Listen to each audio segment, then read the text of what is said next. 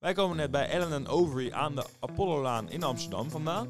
Inderdaad, dan gingen we in gesprek met Menno Keuper, associate op het Corporate Litigation Team. En Isabel Rutte, ook associate, iets jonger nog, op het uh, M&A-team werkzaam. Zeker, het is van oorsprong een Engels kantoor. En zij vertellen ons eigenlijk hoe het leven van een advocaat bij Ellen Overy er nou helemaal uitziet. Hoe het werkende leven praktischer kan zijn dan alleen maar in de wettenbundels zitten. En hoe zij één keer per jaar alle partners te grazen nemen.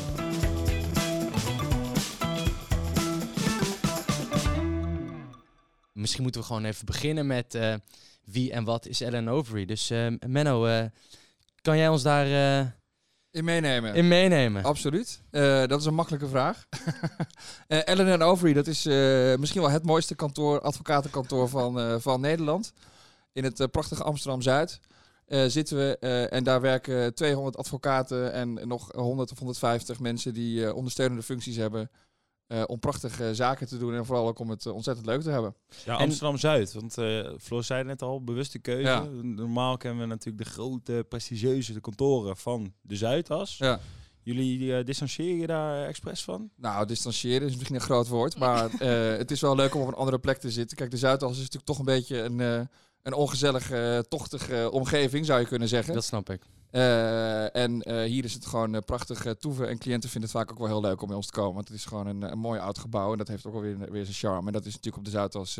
zijn die dun gezaaid. Nee, dat is waar. Dat is in, in Isabel, want Amsterdam is niet de enige plek natuurlijk. Ellen Overy is ook niet van oorsprong een Nederlands kantoor. Um, kan jij ons vertellen hoe dat, hoe dat precies zit? Ja, dus um, Amsterdam is inderdaad niet het enige kantoor. We zijn natuurlijk onderdeel van een groot internationaal netwerk. En we hebben, nou, wel, ik ben hadden het er vandaag over hoeveel kantoren hebben we nou precies. Maar het zijn er ongeveer een stuk of veertig in dertig verschillende landen. En ah, okay. eigenlijk ook door heel Europa verspreid en ook nog uh, daarbuiten. En heb, heb je wel een beetje contact ook met die uh, kantoren in die andere landen? Of is dat wel echt uh, de eigen winkel in ieder land, iedere stad, zeg maar?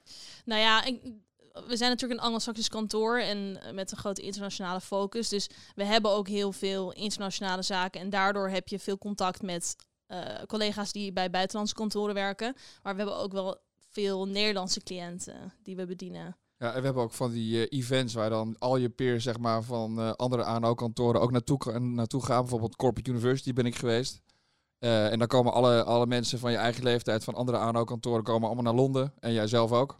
En heb je daar een week lang trainingen en s'avonds uh, gezelligheid. En dan leer je natuurlijk ook op een informele manier elkaar kennen. En hoeveel zijn het dan van zo'n generatie eigenlijk aan uh, peers? Ja, dan zit je met ongeveer 100, 150 man ongeveer uh, zit je daar. Dat is best een, een mooi feestje bouwen. Ja. Ja, ja, ja, En heel veel leren. En is dat dan ook nog per, per praktijkgroep een, een beetje? Of hoe noem je dat dus hier bij sommige, sommige praktijkgroepen hebben dat inderdaad. Dus Corporate University, dat is van de afdeling Corporate. Uh, banking heeft het ook, uh, maar niet alle afdelingen uh, hebben het. Dus je moet een beetje, een beetje geluk hebben. Ik zit zelf op, op de afdeling litigation. En daar heb je eigenlijk minder geluk. want dat is veel meer nationaal gefocust. Dus daar heb je minder, minder opleidingstrajecten die internationaal zijn. Ja, want je zei net al even, Isabel, dat er best wel wat ja, internationale zaken zijn vooral. Merk je dat dat dan, ja, het is misschien moeilijk om buiten kantoor te kijken, maar dat dat bijvoorbeeld bij Ellen Overy of een Anglo-Saxisch kantoor meer is dan bij een traditioneel Nederlands kantoor?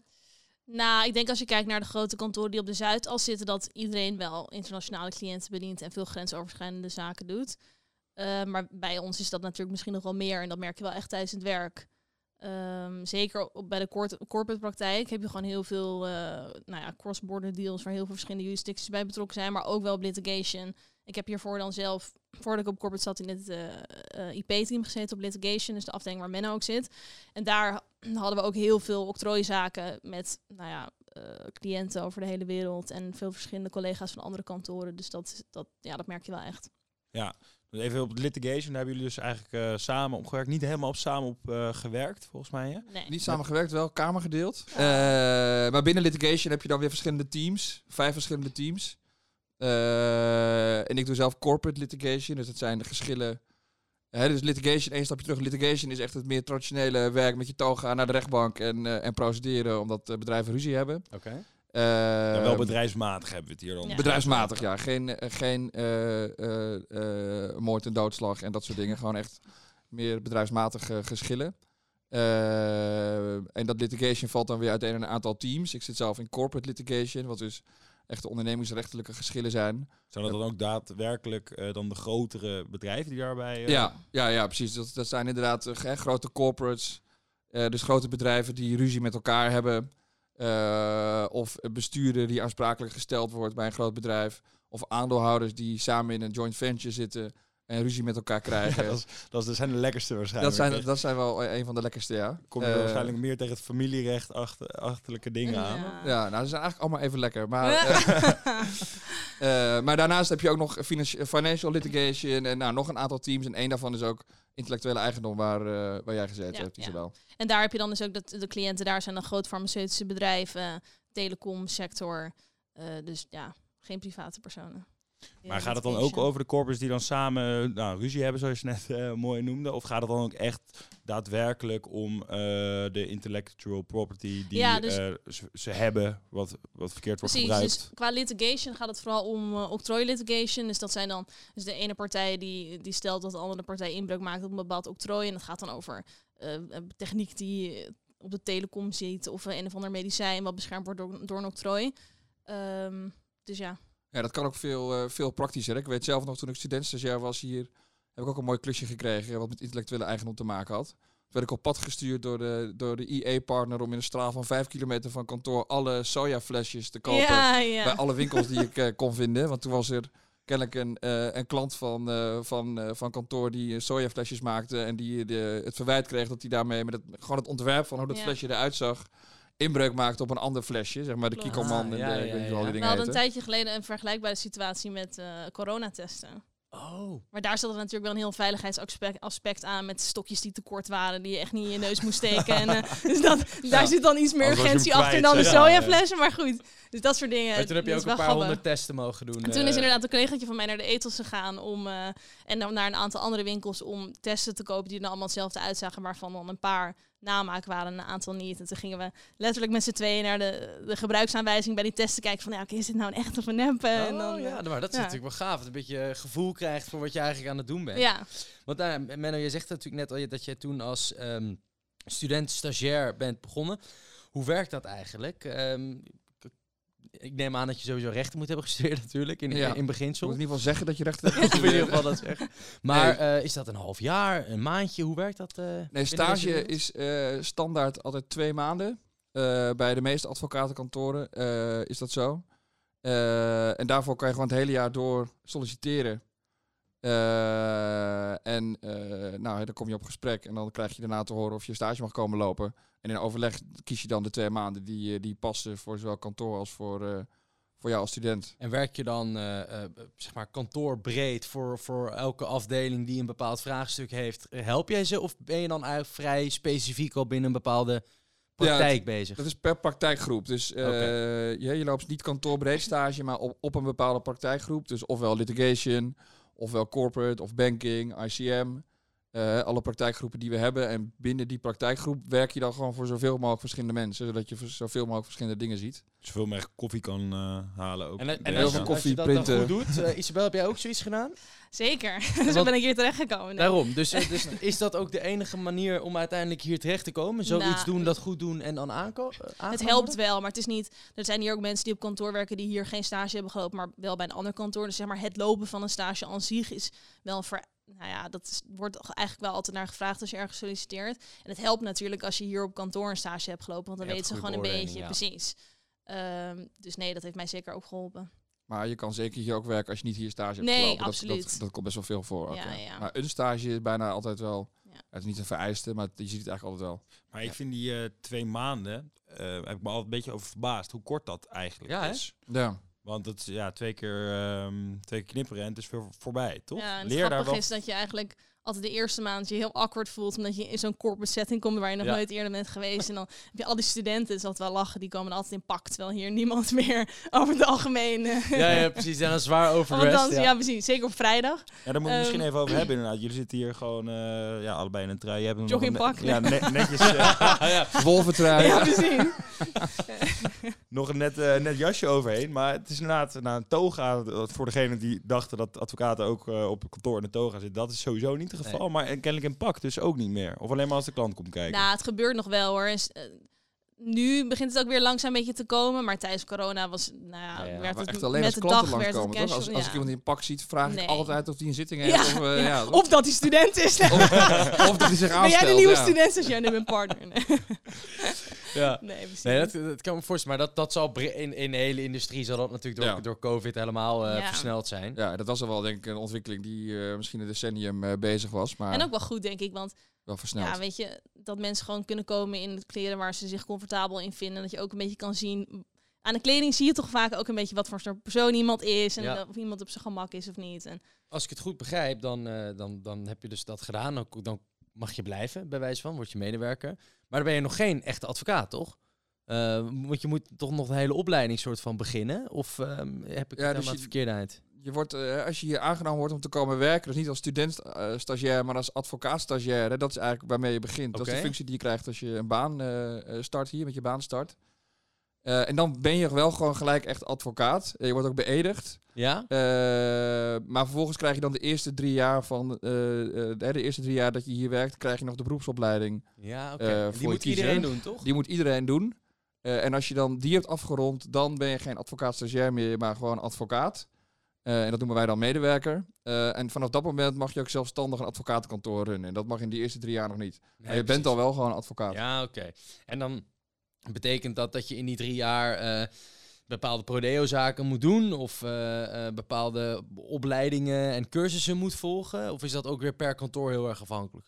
Nou, het verschilt wel een beetje per kantoor, maar ik weet in ieder geval hoe het hier gaat. Ehm, en je krijgt inderdaad gewoon heel veel opleiding. Eh, vanuit de, de orde van advocaten. En daarnaast nog een opleiding die is georganiseerd door, ik geloof de 15 grootste advocatenkantoren. Die hebben daar met elkaar nog de Law Firm School als een Ah, soort extra oké. sausje overheen gelegd, zeg maar. Ja. Eh, dus dat heb je, dat zijn gewoon opleidingsdagen. Slaap je ergens in een hotel en zit je met een paar honderd mensen eh, in de college de hele dag. En s'avonds eh maak je het weer gezellig. Heel veel leren, ook of niet, eh, kennen. Ja. Sorry, wat zei je? Heel veel leren, of niet? Nou, ja, dus het, wat, dat, wat het ding is, is dat de opleiding nu enigszins veranderd is. Dus toen ik eraan ben begonnen, dat is nu bijna twee jaar geleden. Ik zit nog in het oude systeem waarbij je best wel veel tentamens hebt. Dus die heb ik nu allemaal afgerond. Maar er zijn er in, in totaal wel een stuk of elf uit mijn hoofd. dus dat dat is wel best wel veel. Krijgen we ook vrij om daarvoor te Ja. studeren? Dus de, in principe zijn dat eh, twee, da twee studiedagen ongeveer. Krijg je daarvoor. Eh, maar en dat is eigenlijk gewoon een herhaling van de bachelorstof. Dus het is ook weer niet de hogere wiskunde. Maar het kost wel gewoon tijd. En als je druk bent, dan doe je dat wel naast je fulltime baan. Dus dat, dat is- gebeurt al wel in het weekend. Ja. Eh, maar de nieuwe opleiding, en dat is eigenlijk iedereen die nu met de advocatenopleiding zou beginnen, die ze hebben het systeem nu omgegooid dat het meer gericht is op de praktijk. Dus zeg maar gewoon skills zoals onderhandelen, schrijven van processtukken, eh et cetera. En minder tentamens. Dus volgens mij heb je maar twee mondelinge tentamens en dan wel nog de tentamens van de law firm school. Omdat, nou, dat is dus het extra sausje, Ja, sausje waar je nog wel kennis van moet hebben. Ehm, dus het, het systeem is wel echt anders. Maar Ja, ja, het dat is gewoon... En ga door. Nou, het belangrijkste is eigenlijk gewoon learning on the job. Hè? Dat je hier gewoon begint met werken. En je werkt gewoon met mensen die al heel veel ervaring hebben. En je kijkt eigenlijk gewoon het kunstje af. Hè? Daar komt het eh, toch wel een klein beetje op neer. Ja. En daar leer je veel nuttigere dingen, eh, Ja. eh, zou ik denken, dan, Is eh, het, dan is, al die is tentamens. het dan ook zo dat je, want je zegt, nou, ik heb bij dat IP, eh, Intellectual Property team gezeten, je doet nu wat anders. Is dat, moet iedereen dat doen? Iedereen roteert in de eerste paar jaar door verschillende functies en, en praktijken? Ja, dus bij ons op kantoor heb je eigenlijk, en dat geldt voor de meeste kantoren, heb je de regel dat je eerst, of dat je in ieder geval een transactiepraktijk en een procespraktijk moet doen. En voor mij was dan een procespraktijk was litigation en transactie is dan nu corporate. En dat geldt eigenlijk wel voor iedereen. Ja, want eh, en daarna kijk je in overleg, kijk je samen van oké, wat vond ik het leukst of waar Ja. pas ik het best Ja, bij, zeg maar. Precies. En dan zou je zomaar weer in het team van eh Menno kunnen komen straks. Nou ja, de afdeling van De Menno. afdeling, de afdeling van Menno. En hopelijk op de camera van Menno, maar dat Ja. gaat hem niet meer worden. Party denk ik. room. De party room. Party room. De party room met de pingpong Hey, en als je, wat we, nou, we, hebben, het- we hadden het, Guido zei net al een beetje de prestige eh, eh, kantoren. Eh, hoort daar dan ook bij dat ik hier een eh 8 of een 8,5 gemiddeld en dat soort dingen nodig heb? Of eh, moet je vooral, weet ik wat, laten zien dat je naast je studie andere dingen hebt gedaan, je hebt ontwikkeld op bepaalde vlakken? Ja, het is een beetje een combinatie van beide, denk ik. Ik, ik werk, als ik zou liegen dat je hier ook met zesjes binnenkomt. Zeg maar, als ik zou zeggen dat je hier met zesjes binnenkomt, dan zou ik liegen. Ja. Ehm, dus er wordt wel verwacht dat je gewoon dat je goede cijfers hebt gehaald tijdens je, tijdens je studie, dat je dat kan laten zien. En ook, maar ook extra curriculaire activiteiten zijn belangrijk, zoals commissies of nou ja, andere studieverenigingen, sport, et cetera. Ja. Vrijwilligerswerk, Ja. zeg maar wat. Ja, het is een Ja, beetje zegt, hè, standaard rieltje. Ik zou liegen als ik zou zeggen dat je hier met zesjes binnen kan komen. Dat wil niet zeggen dat als je een zesje of een paar zesjes hebt, dat het dan zeg maar je kans verkeken is. Ja. Eh, Maar dan moet je wel eh, compenseren ergens. maar dan moet je wel echt Ja. compenseren. En vooral in de loop van je studie zeg maar, moet er wel ook een soort opgaande lijn in zitten. Dat, hè, op, vanaf het moment dat je weet wat je wil gaan doen en een master kiest bijvoorbeeld, dat je dan wel echt eh, hogere cijfers ja, haalt, hogere cijfers haalt. Omdat dat ook laat zien dat je, dat je het leuk vindt en, eh, en ervoor gaat. En dat is natuurlijk wel waar, waar Arno naar op zoek is. Ik vraag me dan inderdaad af, dus je, je leest je in in, een- in een zaak, op litigation dan heel even. Ehm, en ga je bedenken, oké, nou, eh, dit zijn eh, onze punten, dit vind ik, eh, hier gaan zij mee komen. Ehm, en in hoeverre ehm, geloof je dan of geloof je niet in de zaak, zeg maar? Ga je ook met je cliënt in gesprek van, ja, leuk dat jij hier heel erg boos over bent en heel veel stampij staat te maken, maar dit ga, vriend, je gaat dit Zeker, gewoon niet ja. winnen. Nou, het is eigenlijk wel grappig. Dat, dat herkent volgens mij iedereen wel op, op de litigation afdeling. Dat hè, stel, stel je de zaak begint met een dagvaarding die je op de mat krijgt, die door de wederpartij is geschreven.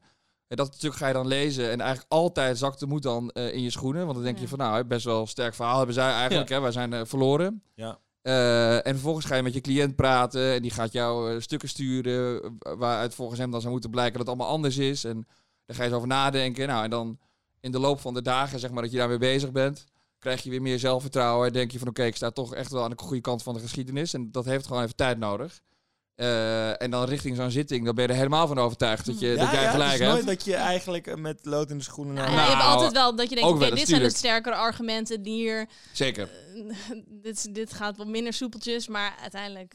eh, je kan ook, ben je kan ook een zaak winnen. Je kan ook een zaak winnen waarvan je eigen gelijk krijgt terwijl je eigenlijk niet gelijk hebt. Ja. Dat, Eh, dat, dat zijn hele lekkere, toch? ja, zeker. Ja, ja, ja. Maar en hoe vaak is het dan een beetje... eh, Nou, David Goliath is dus niet het goede voorbeeld, want daar wint David. Maar in ieder geval dat er een hele goede advocaat... eh, jullie zijn Ellen over en dat je tegenover een heel kleintje staat... en dat je denkt, ja, ik veeg deze gast gewoon van tafel, want ja. wij zijn beter.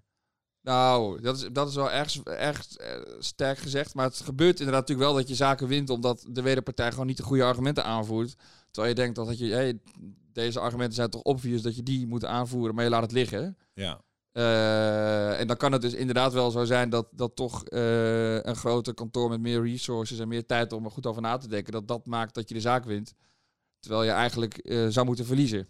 eh, op basis van de feiten. En, en wordt dat een beetje gevierd dan, eh, Isabel? Wordt, gaat, gaat, er dan, is er dan een soort bel en champagnefles die Ja. open gaan Ah, als, dat is als er weer een gewonnen heeft? Dat is meer een beetje een corporate ding eigenlijk. Dat er dan, weet je wel, closing, eh, Ja. Op closing Oh ja, champagne ja. wordt gedronken. Ze En hebben ik het dan weet, over de M&A-deals. eh, ja, ja, precies. Op litigation, ja, gebeurt het... Althans, ik heb nog nooit met een cliënt als we een zaak gewonnen hadden... dat we naar het eten gingen of... eh, Nee, het is nou, gewoon een ander gehad, soort cultuur. Het is wel minder. eh, het, gaat, het gaat toch vaak over ruzie over het verleden. Wat is er misgegaan? En wie pakt het bonnetje op? Dus mensen zijn ook gewoon, Ja. ook gewoon blij dat het is afgerond. Nee, eh, dus het is wat minder, eh, wat, minder, wat minder feeststemming over het algemeen. Al zijn er wel heel veel feestjes, maar dan niet echt zaakgerelateerd. Ja, ik wil ook nog, trouwens nog toch even terug naar het voorbeeld met, de met Kikoman en eh, met, de, met de flesje sojasaus en de eh, stokjes van de testen. Want dat, klinkt, dat is veel praktischer dan ik het in mijn hoofd had, eigenlijk, de advocatuur. Zijn er, is dat misschien een beetje een misconceptie eh, over het Nou, algemeen, dat het iets meer met... eh Dat is ook wel het praktische voorbeeld wat ik kon verzinnen. Oké, oké. Ja, ja. Wat voor meegenomen. Ja, maar ik, ik begrijp wel wat Guido bedoelt inderdaad. Je, je denkt altijd aan hele gecompliceerde, Ja. grote zaken waar je, waar, je, waar je zelf de helft niet van begrijpt.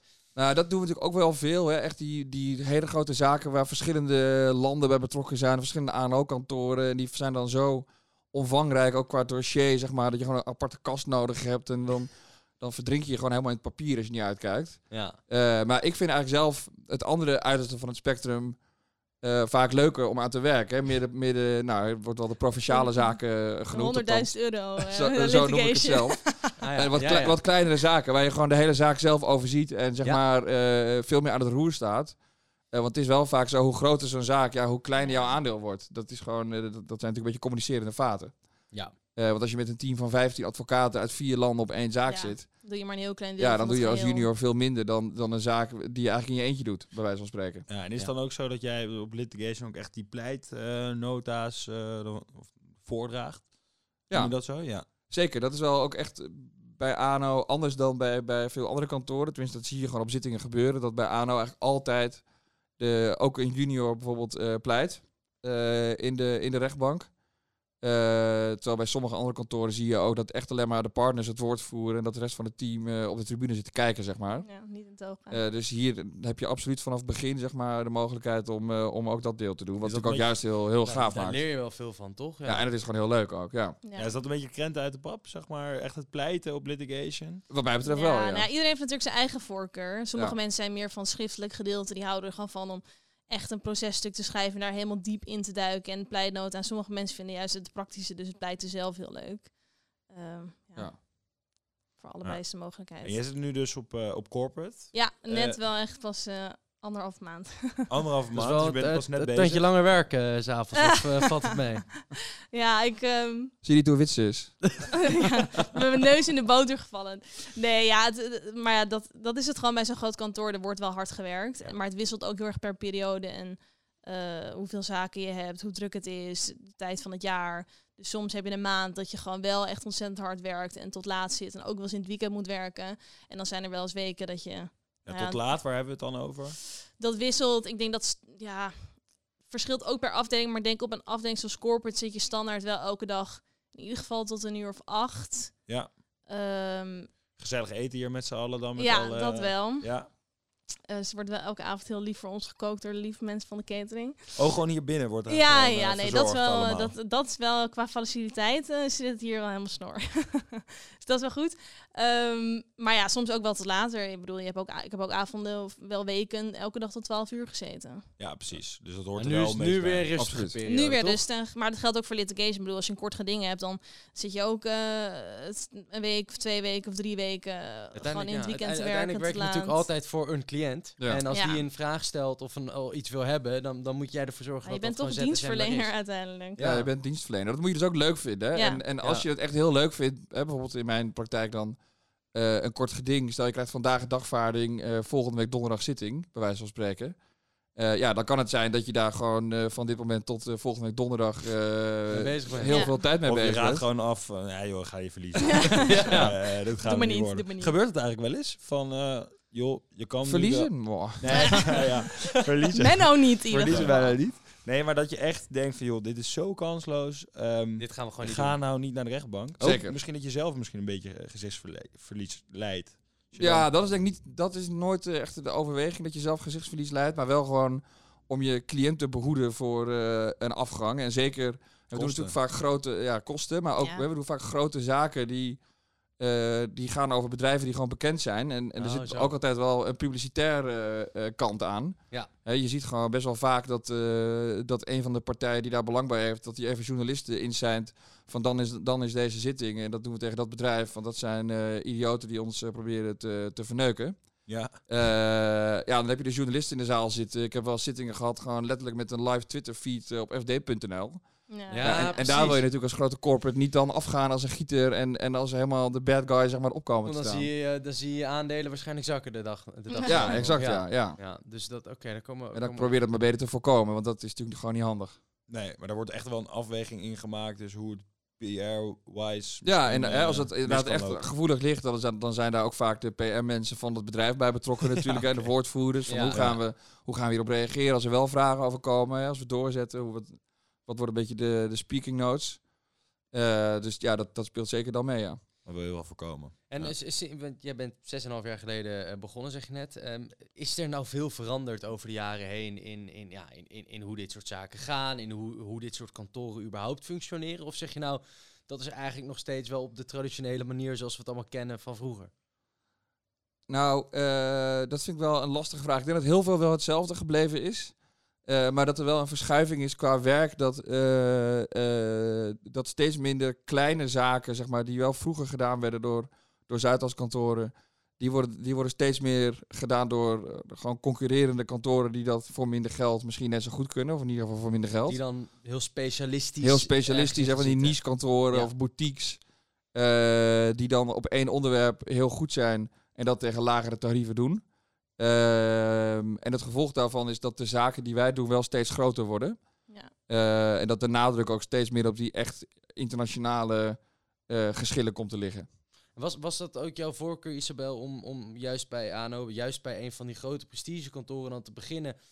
Want je- ik kan me ook voorstellen dat je zegt, nou, bij zo'n niche-kantoor krijg ik misschien wel veel meer verantwoordelijkheid vanaf dag één om, om dus zelf zo'n zaak te mogen runnen. Ja, ja, dat is natuurlijk een altijd een afweging die je maakt. En ik heb wel heel bewust toen tijdens mijn stage ook ervoor gekozen om zowel bij een groot kantoor stage te lopen als bij een kleiner of twee kleinere kantoren. Omdat ik gewoon voor mezelf wilde zien, oké, wat zijn nou de verschillen en wat wil ik echt? En ik denk altijd dat je dat pas het best kan beoordelen als je ook allebei Heb een stage hebt meegemaakt. Ehm, en ik denk in dat opzicht dat ANO daar ook wel anders in is dan andere kantoren. Is weer dat als je hier op kantoor begint, dat je gewoon wel... Je krijgt best wel veel verantwoordelijkheid. Althans, ik, zoals ik net zei, in, toen ik in het IP-team zat, je werkt eigenlijk bijna... Ik werkte daar bijna alleen maar één op één samen met de partner. Eh, heel veel cliëntcontact. Je wordt echt gewoon in het diepe gegooid. En eh, nou, ga, ga je ding maar doen, ga het maar uitzoeken. Dus je krijgt echt wel veel verantwoordelijkheid. Dus het is niet dat je bij een groot kantoor werkt en dat er heel veel hiërarchie tussen zit. Althans niet bij ons op kantoor. Nee. Dat moet je dus ook wel echt, dat is wel iets om je te realiseren dat je dat ook wil. Hè? Want er zit een hele mooie kant aan, namelijk heel Ja. snel Grote heel veel zaken. leren en eh, grote zaken. En ehm, eh, ja, je krijgt echt gewoon veel verantwoordelijkheden. Dat is ook best wel pittig natuurlijk. Hè? Ja. Want dat betekent ook dat je daardoor misschien meer stress hebt. Of gewoon het gevoel hebt dat er heel veel op je schouders rust. Ja. Eh, ja, daar moet je wel een beetje tegen kunnen. Of misschien wel zelfs een beetje van genieten. Ja, en daar word je natuurlijk ook wel gewoon goed voor betaald, neem ik aan. Daar word je ook prima voor betaald. Z- Zijn er nog leuke dingen in het, eh, in het, in het verschiet? Ja, dat doen ze altijd wel goed. We hadden wel heel veel tijd en aandacht en moeite gestoken in events die we hebben. Dus we hebben standaard gewoon het kerstfeest ieder jaar. Die hebben we toevallig net twee weken geleden gehad. Een inhaalkerstfeest. Een inhaalkerstfeest. Oké. oké. 1 april was het dit jaar. Ja. Met sneeuwmachines. Ja. eh, Ja, ja precies. Maar was het wel nog kerstthema en zo? Of was nee, het, nee, het was geen lentefeest? kerstthema. Lentefeest, ja. Ja. Ja, er is altijd wel een thema, maar het was niet kerstgerelateerd. Oké. We hebben standaard ieder jaar het medewerkersweekend. Dus dat is eigenlijk een... Dan ga je een heel weekend weg met iedereen... Council below, zeg maar. Ja. Ja. Ja. Maar er is echt van alles. Hè? Hockeyteam, Ja. voetbal, eh, Zomerbarbecue. barbecues, weekenden, cabaret. Dus als je, als je, als je uitjes. helemaal geen vrienden hebt verder, dan kan je, heb, vind je hier alles, zeg maar. Ja. Ook, eh, Ja. ook je Ja, vriendschappen. het is zelfs een beetje een valkuil, zeg maar, als je hier gaat Mm. werken, dat Ja. je in je eerste paar jaar zo erg naar erin opgezogen erin wordt. opgezogen Ja, ja, wordt. ja. Eh, en want je werkt natuurlijk hard, en je ziet je collega's veel, en dat is ook vaak een hele leuke groep mensen, Ja. waar je dan heel veel leuke dingen mee doet. En voordat je het weet, zie je je collega's ook in je privésfeer, zeg maar, meer dan, jij, dan, je, dan je eigen vrienden. Ja. Eh, dus je ziet eigenlijk wel dat mensen daar de eerste twee, drie jaar behoorlijk in opgaan. Maar het Eh, zorgt ja. waarschijnlijk tegelijkertijd voor een hele goede sfeer en Absoluut, cultuur ja. eh, eh, intern. En eh, die bent denk Ja. ik ook bereid om harder te werken voor elkaar als je Zeker. elkaar persoonlijk leert kennen. Ik hoorde nog één ding, cabaret, zei je net. Ja, er is ieder jaar is er cabaret. Dat is Oh. wel mooi. Dat, Ja. hoe, hoe moeten we dat voor ons zien? Nou ja, dat is dan dus een groep van, ja, hoeveel man is het gemiddeld? Acht. Een mannetje of ja, 18, die dan eh, allemaal advocaat-stagiairs. Die worden dan weer genomineerd door het voorgaande cabaret. cabaret. Menno, jij hebt ook cabaret gedaan, toch? Nee. Oh. ik ook niet. Ik ook Nee. niet. Ik ook niet. Nee. Maar het is heel leuk te vertellen over iets waar we niks van af Zit er nog steeds diep. Maar, eh, en die voeren dan ieder jaar, ze doen het als eerste op het medewerkersweekend. Dat is dan een iets minder gecensureerde versie, want daar zijn natuurlijk geen partners, want cabaret Ja. is gefocust op de partners. Het zijn wel de jonge medewerkers dus Ja. eigenlijk. Ja, en die gaat de, partners een beetje, toch? Dat- Precies, die zijn het, het, draait, eh, het Ja, draait ja. om part. Af en toe wordt er nog een keer een council gegrepen, maar dat, eh, dat blijft. Eh, en dan vervolgens wordt het nog een keer op het kerstfeest opgevoerd. Dus het is waar alle partners partners wel een bij spannend zijn. moment. eh, Ja, of, je dit, of je dit jaar... Ja. de- de- Ja, het kan eigenlijk alleen maar fout gaan. Hè? Want ofwel, ofwel je wordt heel erg afgezeken en neergezet op een manier eh, die je helemaal niet fijn vindt. Ja. Maar als je niet, niet genoemd wordt, zeg maar, dat is, en dat Ja, gebeurt dat twee jaar achter elkaar. Dat is natuurlijk ook niet echt eh, lekker als je gewoon doodgezwegen wordt. Dus Ben je gewoon saai. ja, dan ben je gewoon saai, ja. Ja. Oké, dus, eh, dus dat is toch wel een soort meetmoment in het jaar waar iedereen naar uitkijkt. ehm. Absoluut, ja. Ja, is wel, ja, was ook echt goed dit jaar. Ja. Er wordt echt veel tijd en aandacht in gestoken. En filmpjes opgenomen. En sketches en liedjes gemaakt. En het is Oh, echt wel een hele productie. Leuk, hè? Ja. Hey, en, want ja, we hadden het eerder natuurlijk al over dat er zoveel kantoren wereldwijd zitten. Is het mogelijk voor jou om te zeggen, jongens, houdoe, ik zit twee jaar in New York? Of eh, neem ik het dan wel heel erg... eh, Nee, ja, je hebt in principe bij ons op kantoor wel de mogelijkheid om, eh, dat noemen, ze dan, noemen we dan secondment, bij een ander kantoor te doen. En dat is of dan een partnerkantoor of gewoon een andere locatie. eh, en dan hebben we het over een half jaar of een jaar? ja, of- sta- meestal wel is het wel een half jaar. Sommige mensen blijven wat langer. Twee maanden, een beetje stage lopen. Prima. Een lang weekend. Ja. Nee, oké, maar en, en eh, eh, dat is dus iets wat je wel Stuk echt stage. zelf moet organiseren. Dat is niet iets wat standaard in jouw programma zit als je hier begint. Ja, volgens mij, maar eh, Menno, jij weet dat misschien Ja, Er zijn een soort rondes. In je programma, maar er zijn wel gewoon plekken, zeg maar. Ja. Vanaf je vierde, vijfde jaar krijg je gewoon af en toe een update van er is eh, in plek. Perth of in eh, New York of in Dubai is een, eh, een, eh, een plek voor iemand van, van een andere ANO-vestiging. En dan kan je gewoon aanmelden. Ja. Eh, en dan, eh, dan kan je daar vaak wel heen. En bijvoorbeeld New York, en je zegt twee jaar New York. Dat is sowieso wel wat lang. Eh, dat is ook echt wel een locatie die gewoon heel gewild is. Ja, is wil iedereen niet natuurlijk heen. gegarandeerd dat je daar ook eh, terechtkomt. Maar Nee. als je graag naar het buitenland wil, kan je zeker ergens heen. En Maar hoe werkt dat dan? Ja. Want eh, naar mijn weten studeer je in Nederland eh, rechtsgeleerdheid, wat Nederlands recht is. En als je dan naar New York gaat, heb je daar dan nog wel wat aan? Nou, dat is, dat is een goed punt. Daarom zie je wel dat het bij de, in de transactiepraktijken, dus de fusies en overnames, dat, dat het daar veel gebruikelijker is om naar het buitenland te gaan. En dat Dat is komt toch allemaal in het Engels. Dat is allemaal in het Engels en, en ook helemaal niet echt. Het gaat eigenlijk helemaal niet echt over Nederlands recht. Nee.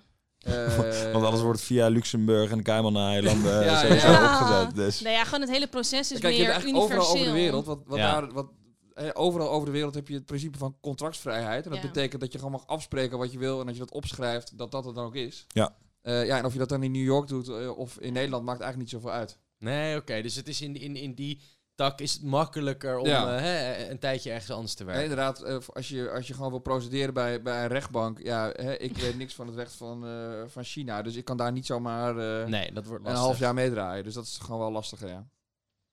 En, en die, eh, als je nou, eh, als je binnenkomt, dan eh, krijg je dan een bepaalde meer senior medewerker toegewezen. Van dat is dan jouw soort jouw coach of, of jouw mentor eigenlijk gedurende jouw tijd bij ANO. Ja, ze hebben nu een soort van buddy systeem ingevoerd bij ons. Het lijkt niet alsof je erin zit. Of, of je nee, het fijn ik, vindt. ik heb geen buddy. Oh, nou, Nee, dat is net van na mijn tijd. Maar in principe krijg je een buddy als je nu start op kantoor. En zeker als eh student stagiair heb je ook altijd een buddy. En dat, je hebt een mentor. Dat is dan degene, vaak degene bij wie je je sollicitatiegesprek als student stagiair ook hebt gehad. Of Oh een, ja. een andere senior op de afdeling. En dan een buddy, dat is altijd een advocaat stagiair die je gewoon meeneemt naar lunch. Aan wie je stomme vragen kan stellen over hoe de telefoon werkt. Of eh, hoe iManage werkt, waar is het toilet. eh, Ja, hoe werkt ja. het hier met koffie halen. En, nou, gewoon alles wat je maar kan bedenken. Dus dat is wel heel fijn.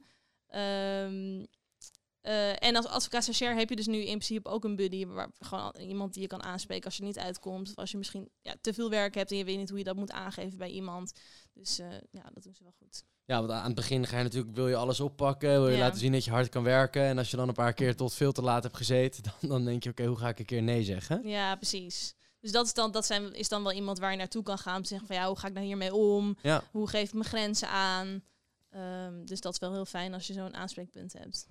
Alright. Nou, ik denk even om af te sluiten, Isabel. Jij hebt, eh, ja, je zei net, ik heb nou nog maar anderhalve maand op eh, eh, corporate nu gezeten, op M&A. Ehm, maar we zeiden net ook, na twee maanden moet je voor een stage moet je wel een idee hebben. Ja. Dus wat gaat het worden? Gaat jij straks terug Even hier mijn medewerkersvoorkeur uitspreken. Nou, ja, is naar, naar litigation of blijf je plakken? Nou ja, dat is natuurlijk heel lastig. Want ik heb nu nog maar een heel klein deel gezien van iets wat nog... Ja, dit is een heel politiek correct antwoord. Ja, dat is ja. Indekken, indekken. Ja. Maar nee, ik, ehm, ik heb het hiervoor heel leuk gehad op mijn eerste seat. En eh, super enthousiast, echt een hele leuke tijd gehad, heel leuk team.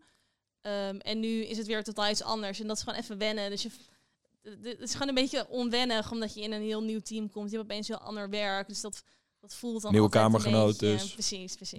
Ben je Maar nou dat, trap je eh, hierin of eh, denk Nou, je dat ik ze gewoon terugkomt? te, te- toch wel met verbazing te kijken, want op weg hier naartoe zei je gewoon dat je terugkwam. Gek verhaal. Ja. Dat is wel heel raar. Nu de, nu de opname aanstaat, dan... eh, Ja, dat is altijd zo. Ja, gelukkig, gelukkig zijn ze op corporate te druk om podcast te luisteren. Dus het maakt allemaal toch niet uit wat we hier zeggen. ja, nee. Nou, dat is duidelijk in ieder geval. Dus die, die keuze die, eh, die stellen we nog even uit Ja, voor, voor een, eh, voor een be later continued. moment. Heel goed, jongens. Ik denk dat wij een eh, idee hebben wat Ellen Harvey in principe een beetje inhoudt. Dank jullie wel voor het gesprek. Ja, dankjewel. Graag gedaan. Bedankt.